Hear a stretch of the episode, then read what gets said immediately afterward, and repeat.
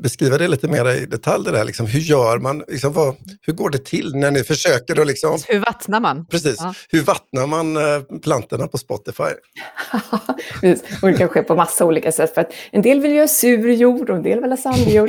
eh, och, så är det ju också. Det är väldigt olika typer av människor och, och, och subkulturer i den liksom, stora Spotify-kulturen. Livslångt, en podd om lärande.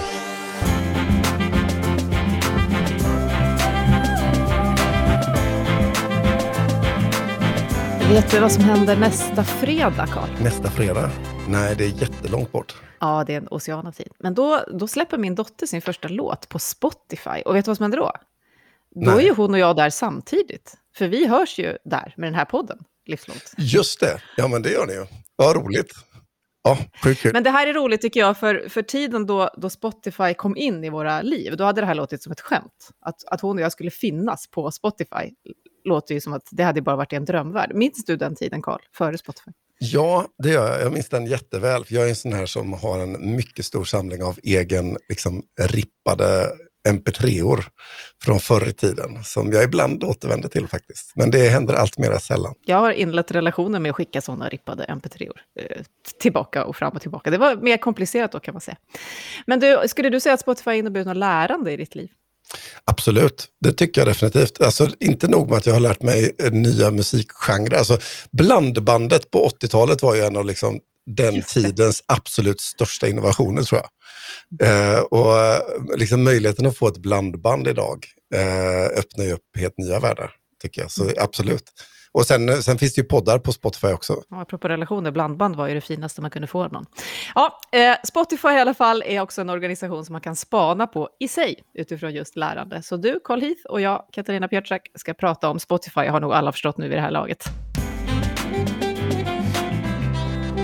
Och veckans gäst är då Johanna Bolin Tingvall på tada, Spotify. Varmt välkommen. Tack så mycket, vad roligt att vara här. Vem är du på Spotify? Vad är din roll där? Ja, vem är jag? Det är en stor fråga. Men eh, jag eh, är ansvarig för allt som är lärande och utveckling på Spotify. Learning och development som vi säger då. Eller greenhouse som vi kallar oss för. Eh, och jag har varit där i nu sex år. Och vi ska komma tillbaka till Greenhouse, för det är otroligt spännande. Men eh, den här rollen du har, hur kommer det sig att just du har den? Vad är din, ditt eget driv, din drivkraft när det gäller just lärande och, och växande då, eftersom vi ska prata växthus på något sätt? Ja, precis. Ja, jag, jag har jobbat med, brett med HR i massor av år, men jag har alltid haft ett hjärta som har klappat lite extra för det här med lärande och utveckling. Och vad det kommer sig av, jag, jag vet inte, men, men på något sätt, jag känner att lärande är ju det är som luften vi andas. Man måste ju lära hela tiden för att, eh, ja, för att överleva helt enkelt. Så det är väl någonting där. Jag är väldigt nyfiken, tycker att det är roligt att förstå hur saker och ting hör ihop. Eh, jag tycker att det är roligt att förstå människors beteende, som är så jag kom in på HR från början. Eh, och jag tycker att det är väldigt spännande att se hur, ja, men hur vi agerar och interagerar och lär oss av varandra. Så, mm. Hur har ditt eget livslånga lärande sett ut? Har du funderat över det? Oj, bra fråga. Um, ja, ja, det är ju verkligen livslångt. Uh, jag har aldrig haft en tydlig plan för exakt vart jag ska i livet, utan jag har varit lite mer, lite mer bananskal, eller, eller som jag vill kalla det för, öppen för möjligheter och tagit de, de chanserna att, att lära eh, och göra nya saker. Eh, mm. Det ska jag låna. Bananskal låter bara som att, som att jag själv inte har någon del i det. Jag ska låna ja. öppen för möjlighet.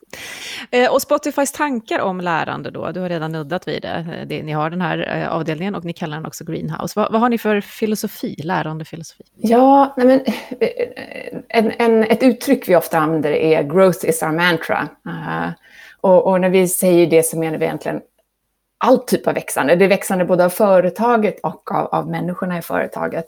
Och det är väl det som lite är vår filosofi, att vi, eh, vi, vi, ser att, att växande måste ske. Eh, för att vi som företag ska, ska överleva i, i konkurrensen, då måste vi ju växa och bli större och ta fler marknader. Eh, men vi kan inte göra det utan våra människor. Um, så, så jag skulle säga att lärande och filosofi, det hänger mycket ihop med våran, hela vår bakgrund egentligen. Um, menar, när vi startade så gjorde vi någonting som aldrig hade gjorts förut. Uh, så att vi, vi uppfann ju och, och, arbetade på, på samma gång kan man säga. Så att göra sitt jobb innebär att lära i görandet och har gjort det sedan start. Um, så vi jobbar mycket med ett growth mindset, eh, till exempel. Eh, vi, eh, vi, vi prata lite om vad det är? För, ja, för absolut. de som inte har tänkt på det. Vad, vad är ett growth mindset? Ja, precis. Growth mindset, det handlar ju mycket om att en tro på att människor kan utvecklas och lära sig. Du föds inte smart med och har ett visst IQ och det kommer att styra dig genom livet, utan du kan faktiskt lära eh, nytt eh, och, och, och, bli bättre. Um, så, så, det är väl i korta slängar vad, vad den filosofin går ut på. Och det handlar mycket om att bygga en kultur och en miljö där man underlättar lärande och där man också vågar testa och experimentera. För det är väl ofta där man faller in i det som är motsatsen då, kanske ett fixed mindset, att man inte vågar testa utifrån att man har en kultur som inte värdesätter testande eller där, är, där man inte får göra fel, man får inte göra misstag. Så det är någonting vi, vi jobbar mycket med, det är den filosofin att eh, vi öppnar upp för growth mindset, man måste våga testa, så vi vill bygga en kultur där, där man känner sig trygg i det. Um, eh, och eh, en kultur där man också känner ett ansvar eh, att driva sin utveckling och, och testa. Vi pratade lite då om tiden före er och du sa själv, ni gjorde något som ingen hade gjort förut. Mm. Eh, jag vet, Karl, du har ju också tittat lite på Spotifys organisation för att det är spännande. När man, när man är en sån disruptor, alltså en aktör som förändrar en hel marknad, hur, hur påverkar det en organisations just möjligheter att vara lärande eller liknande? Tänker du, Karl? Ja, alltså jag funderar lite grann. Alltså, en av de saker som jag liksom tycker är spännande med er som organisation, när jag betraktar den liksom utifrån av det jag har förstått av hur arbete organiseras och så vidare, så, så arbetar ni i en organisationsmodell som försöker att ge den enskilda lilla arbetsgruppen väldigt mycket autonomi och inflytande över sin egen tillvaro i liksom vad man gör i arbetet på något sätt. Att kan man forma ett arbete och en innovation i en liten grupp som kan liksom driva på så har ni byggt ett liksom ekosystem som gör det möjligt för de här små grupperna att dels kunna liksom växa i sig mm. själva som grupp, men också kunna interagera med många andra grupper så att det blir en stor helhet. Och mm. jag tänker mig att den här learning and development-strategin som du beskriver hänger ihop med hur ni faktiskt väljer att organisera arbetet också. Och att det där misslyckandet du beskriver kanske inte bara handlar om misslyckandet liksom det jag lär mig eller så, utan att det är en kombination av det jag gör, liksom själva görandet i arbetet. Är jag, liksom, är jag ute på rätt spår där i mitt mm. funderande? Eller? Ja, men absolut. Det, är precis så det hänger ihop. Um, um, ja, om, om, vi går tillbaka till det här med görandet, så om, om vi tar till exempel våra utvecklarteam, um, det är en förutsättning för dem att de kan styra sitt arbete och i, precis som du säger, i görandet, i deras dagliga arbete så ingår att experimentera. Man måste testa mycket. Man måste testa tio olika lösningar för att komma fram till, till den rätta. Och det behöver gå ganska fort. För att vi ser också att om du testar mycket, du itererar mycket, eh, så, så kommer det fram bättre lösningar. Eh, och gör du det i, i en ganska hög takt. Så dels blir du lite, ska man säga, av fartvinden så blir du, du vågar lite mer. Eh, och sen så, så får du faktiskt ut mer eh, innovation i en högre takt på det sättet. Jag, jag tänkte bara, bara tillägga, apropå att vi är en learning and development-avdelning. eh, något som är viktigt för oss är att vi inte är en central enhet som styr allt lärande. För det första så går det ju inte, eh, eftersom vi alla lär hela tiden. Men också för, viktigt för oss att vara mer av ett, um, ja, men ett växthus, det vi kallar oss för, det här med greenhouse, om jag bara skulle lägga till det. Så, eh, det är symboliskt ganska viktigt i namnet, för att vi vill ju någonstans underlätta lärandet. Vi vill liksom vattna och, och, och gödsla lite på våra växter då, som är våra människor. Så vi ser oss mer som... Eh, Trädgårdsmästare trädgårdsmästare, tack, eh, i det här där vi försöker liksom underlätta och uppmuntra att, att, eh, att, att växandet. Eh, och det gör ju att vi då försöker uppmuntra det var det än sker, oavsett om det är ute i utvecklarteamen eller några andra team eh, där man, man lär sig görandet, eller om det är eh, genom att skapa kopplingar mellan människor, där det här sociala lärandet kan ske, eller om det är via formell eh, training eller utbildning Så det är på väldigt många olika sätt. Kan du liksom eh, beskriva det lite mer i detalj? Det där, liksom, hur gör man? Liksom, vad, hur går det till när ni försöker? Att liksom, hur vattnar man? Precis. Ja. Hur vattnar man eh, plantorna på Spotify?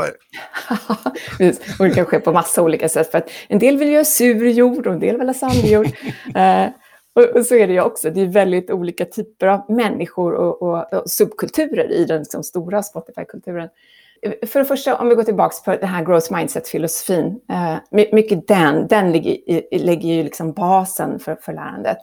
Och sen så har vi någonting som vi kallar för vår performance development-filosofi. Det är också en, en bas utifrån allt vi gör.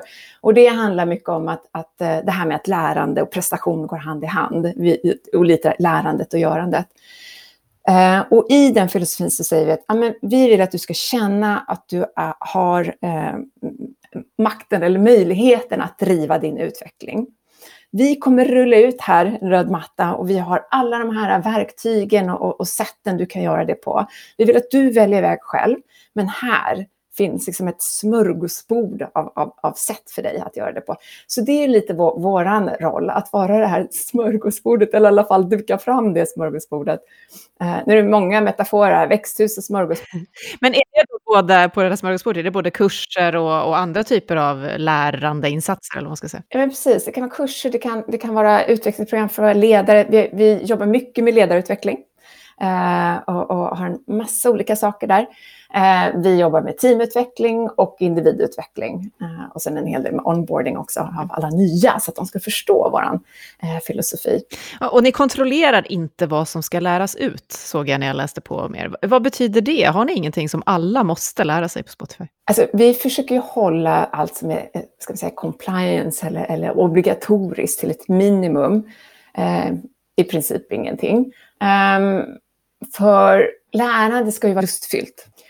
Så därför försöker vi istället skapa eh, lite mer den här liksom, pull-effekten, att, att vi, vi skapar någonting som är spännande och som folk faktiskt behöver och vill ha. Så att de kommer och, och, och ber om det istället för att tvinga någon göra någonting speciellt. Vad är det som är viktigt med att göra så, att använda pull istället för push? Eh, motivationen hos människor. Jag menar, alla vill ju vara, styra sig själva lite grann. Och det kommer tillbaka till det här med, med den autonomi vi ofta ger små grupper, både i arbetet och i lärandet det här med att man, man vill ju kunna styra sin egen tid och sin egen vardag och vara sin egen herre, så att säga.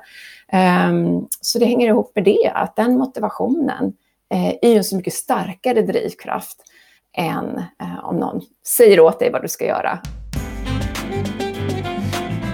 Jag tänker att jag, jag, delar väldigt mycket av det du säger rent filosofiskt och tankemässigt och sen så går jag liksom till min egen vardag och hur jag själv funkar och så vet jag att eh, vissa saker vill jag verkligen lära mig och så nördar jag ner mig i det och då får det gärna ta de där extra timmarna och det gör inget för jag liksom är liksom uppfylld av den här passionen i lärandet i stunden på något sätt.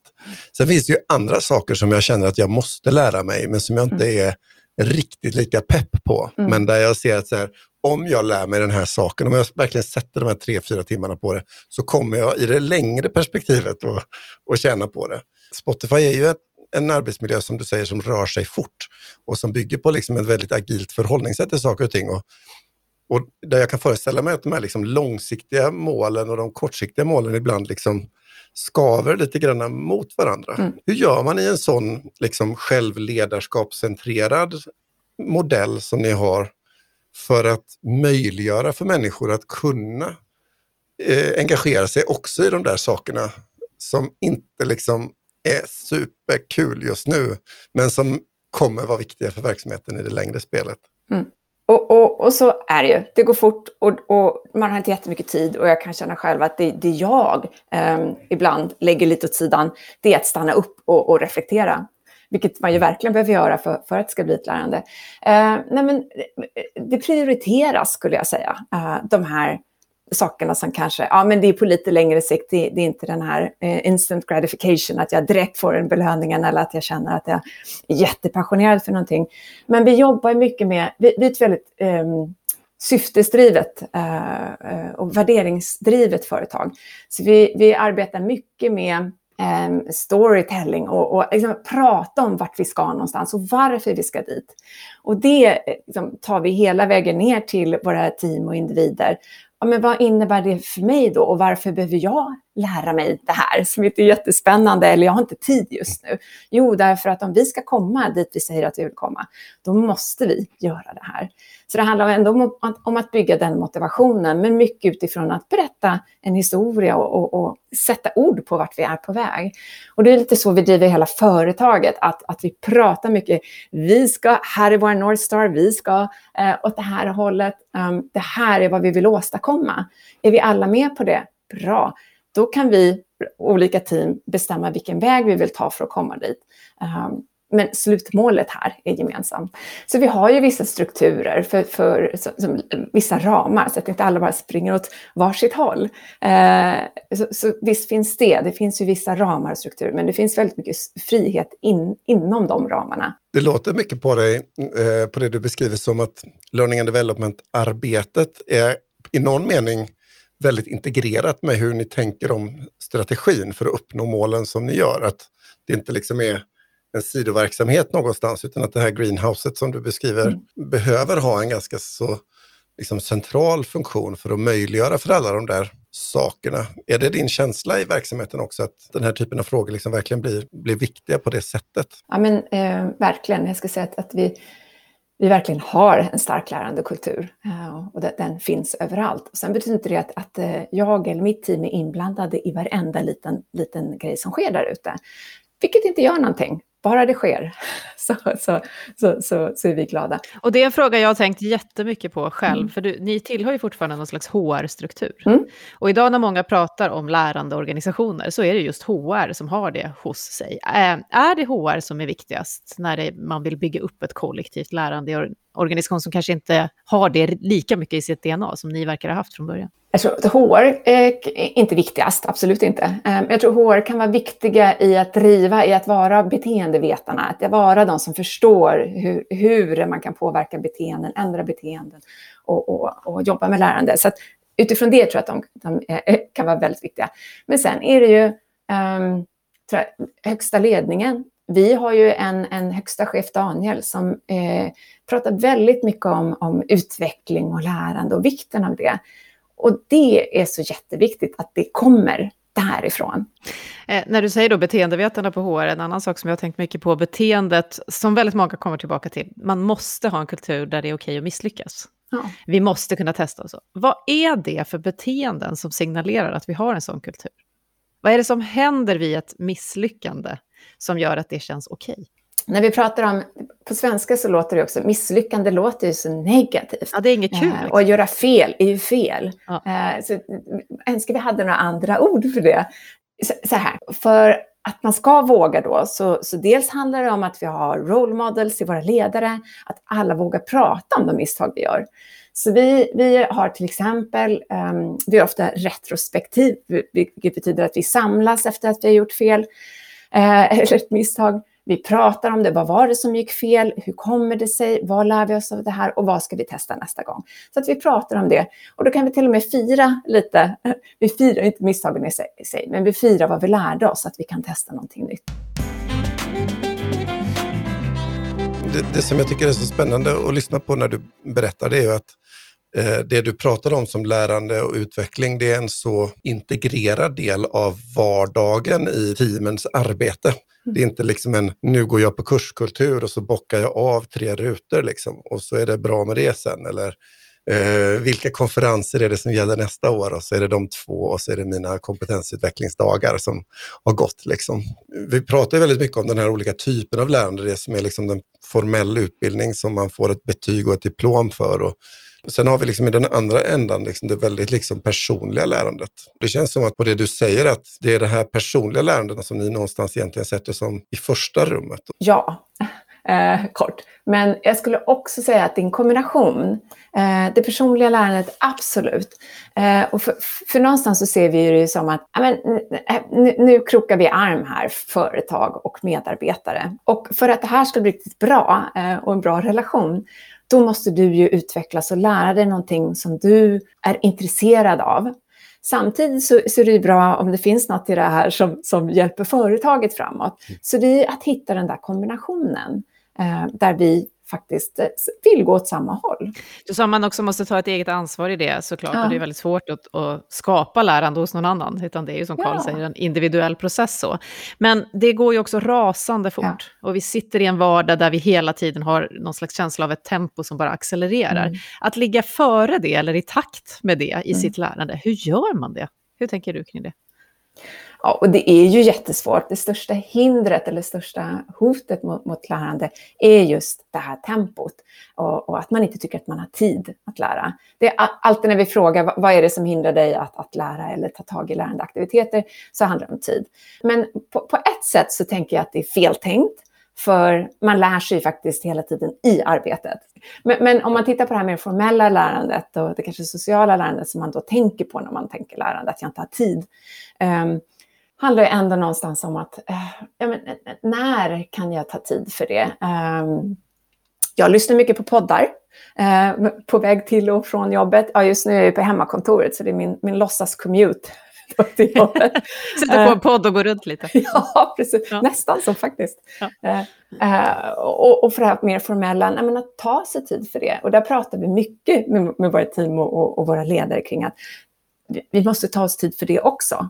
Men trots allt är det så att den stora, största delen av lärandet sker ju i vardagen, i interaktionen med andra människor, i arbetet, för att det är så integrerat.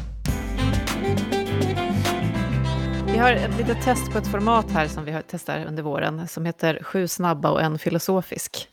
Eh, de sju snabba kommer du förstå snabbt vad det går ut på. Eh, den första kommer här. Lära själv eller ihop? Ihop. Det hade förvånat mig om du hade sagt själv utifrån det du just har sagt. Den här kanske är svår, jag vet inte, eller så är den jättelätt. YouTube eller Spotify? Spotify. Finns det någon gång du väljer YouTube före? Ja, men om jag vill lära mig någonting snabbt eh, som är väldigt praktiskt, då går jag gärna in och tittar på en, på en YouTube-video. Och då är nästa fråga kanske kopplad till det. Hands-on eller instruktionsbok? Hands-on. TED-talk eller bok? Bok. För att? Jag älskar böcker. Alltså, det är någonting med att hålla en pappersbok. Det är liksom det, det här teknik i alla ära och läsa e-böcker och så vidare, men det är någonting att hålla den där boken. Kunna gå tillbaka kunna stryka under. Eh, jag gillar det. Och i allmänhet då, då, hur lär du dig bäst, ljud eller bild? Den var svår, men ljud. Ändå rätt bra, i, i, med tanke på vad du jobbar, tänker jag. Eh, memorera eller söka information? Söka information. Inte memorera en massa stora banker av kunskap? Nej, men det är ju så föränderligt. Det går ju så fort nu. Så, så det är klart att man måste memorera en del saker. Men man behöver ju inte komma ihåg någons telefonnummer eller portkod längre, till exempel. Eh, så, så att söka, skulle jag säga, söka information eh, och memorera lite mindre. Och mikrolärande i pauser eller universitetskurs? Mikro. Det, vi var ju inne på det, och det är ju ja. ett mönster, när, man, när vi har den här podden så börjar det utkristallisera sig rätt tydliga mönster. Det här som du pratar om, lärandet som sker i varje liten stund, eh, mm. och som vi kanske inte pratar om ens, är ett mm. lärande. Mm. Eh, hur ska vi göra, tänker jag, för att förstå att det faktiskt är lärande vi håller på med i nästan varje moment vi gör? Nästan. Ja, men jag tror att, att synliggöra det och faktiskt prata om det eh, gör att man ser att det är ett lärande. Och det, det vi försöker göra mycket i, i mitt team, att prata om ah, det här är också lärande. Har du läst en artikel idag? Eh, har du lyssnat på en podd? Vad, vad, har du pratat med din kollega hur, hur ni ska lösa det här problemet? Att lyfta upp det, så att, så att eh, eh, medvetandegöra det egentligen. Och så det lite mer filosofiska då, kaos har jag sett att ni pratar om, att man behöver ha ett förhållande till om man ska jobba på Spotify. Vad är det som sker i kaos som är viktigt för er? Ja, men vi säger att vi, vi lever i ett kontrollerat kaos. Uh, uh, och det är ju för att vi börjar bli så pass stora nu så vi behöver ha en viss struktur och, och lite ordning. Så, men inte för mycket så att vi blir för långsamma, utan det behövs lite kaos. Och det här kaoset tror vi behövs. Eh, dels blir det lite kaos för att vi inte har så mycket struktur och det är för att vi ska kunna hålla uppe farten. Men sen tror vi också på att det här kaoset skapar, ja men det kan skapa lite friktion, kanske lite skav. Eh, och i den där friktionen så tror vi att det kan uppstå nya saker, nya idéer. Eh, människor träffas på oväntade sätt som kanske inte skulle ha skett i, om allt var strukturerat och vi visste exakt att A gick till B till C. Eh, och i det tror vi att det uppstår nya lösningar och, och nya idéer. Alltså, jag, jag är ju en person som trivs när det finns liksom ytor av okänd natur omkring mig. Och när det blir lite väl uppstyrt så då går jag någon annanstans. Det delar du inte alls med mig. Ja, det kan vara så. Jag kan vara värre än du faktiskt där. Ja. Mm. Men vad är det för kaos tror du, Karl, som behövs i ett lärande? Du tittar ju jättemycket på lärandet i, ur alla möjliga perspektiv. Vad tänker du behövs för att det inte ska bli inlåst, som Johanna Jag är inne på det. Så en, en av de sakerna som tilltalar mig med det sättet som du uttrycker liksom, det kontrollerade kaoset på, det är ju att en sak som kaos erbjuder, det är ju serendipity på engelska. Svårt att hitta ett bra svenskt ord på det. Men, Mitt favoritord. men där det liksom uppstår saker i stunden som inte är förväntade på grund av att det finns ett antal okända faktorer eller parametrar som spelar en roll. Och lärandet som uppstår i den där typen av liksom aha-situationer eller sammanhang som ofta inte sällan föds ur ganska mycket friktion eller turbulens. Eh, den kan ju vara enormt vitaliserande för en verksamhet och driva på i många sammanhang. Men är den då alldeles för yvig och spretig, ja, då blir den ju väldigt svår att hantera och liksom faktiskt få ut något meningsfullt i. Så, så jag, jag kan relatera mycket till det där tanken om det kontrollerade kaoset. Men som du är inne på så tror jag också att man behöver verkligen arbeta med sin både arbetsstruktur och kultur för att tillåta det och möjliggöra det eh, på liksom gynnsamma omständigheter. Ibland är det alldeles för mycket kaos, ibland blir det för mycket struktur. Att, att hitta den där balansen, det är ett ständigt arbete. Eller jag tror, inte all, jag tror aldrig att man hittar balansen, för att det är den ultimata. Men det är ju alltid lite, uh, det går upp och ner. Genom den här kulturen som du har beskrivit och eh, det ni vill åstadkomma från The Greenhouse, det som ni gör för att människor ska växa på Spotify, vad, vad, hoppas du att ni är om några år i det här stora tempot? Vad hoppas du att er syn på lärande ska ha tagit er? Utifrån företagets perspektiv så hoppas jag, vi, vi fortsätter att växa och ska fortsätta växa i ganska aggressiv takt i några år till. Eh, så jag hoppas vi tar oss dit. Vi, vi, vår vision är ju att vi ska eh, kunna få fler kreatörer eller artister där ute att kunna leva av sin konst och få egentligen miljarders av fans att, att få, upp, få, få ta del av den här konsten. Eh, så det är ju vårt mål, allas vårt mål, att det ska ske. Och från vårt perspektiv eh, i Greenhouse då är ju att se till att organisationen håller sig agil, snabblärande så att vi kan växa på de här marknaderna. Mm. Bara som ett exempel, vi har ju Ehm, till bara för tre år sedan så tror jag ingen tänkte på att vi hade podcasts eh, på, på Spotify. Det var bara musik och nu är vi en jättestor aktör på ganska kort tid inom podcast. Det kommer komma nya sådana områden. Eh, sen vad de är, det vet jag inte idag. Men det dröjer nog bara ett par år så är vi även någon annanstans.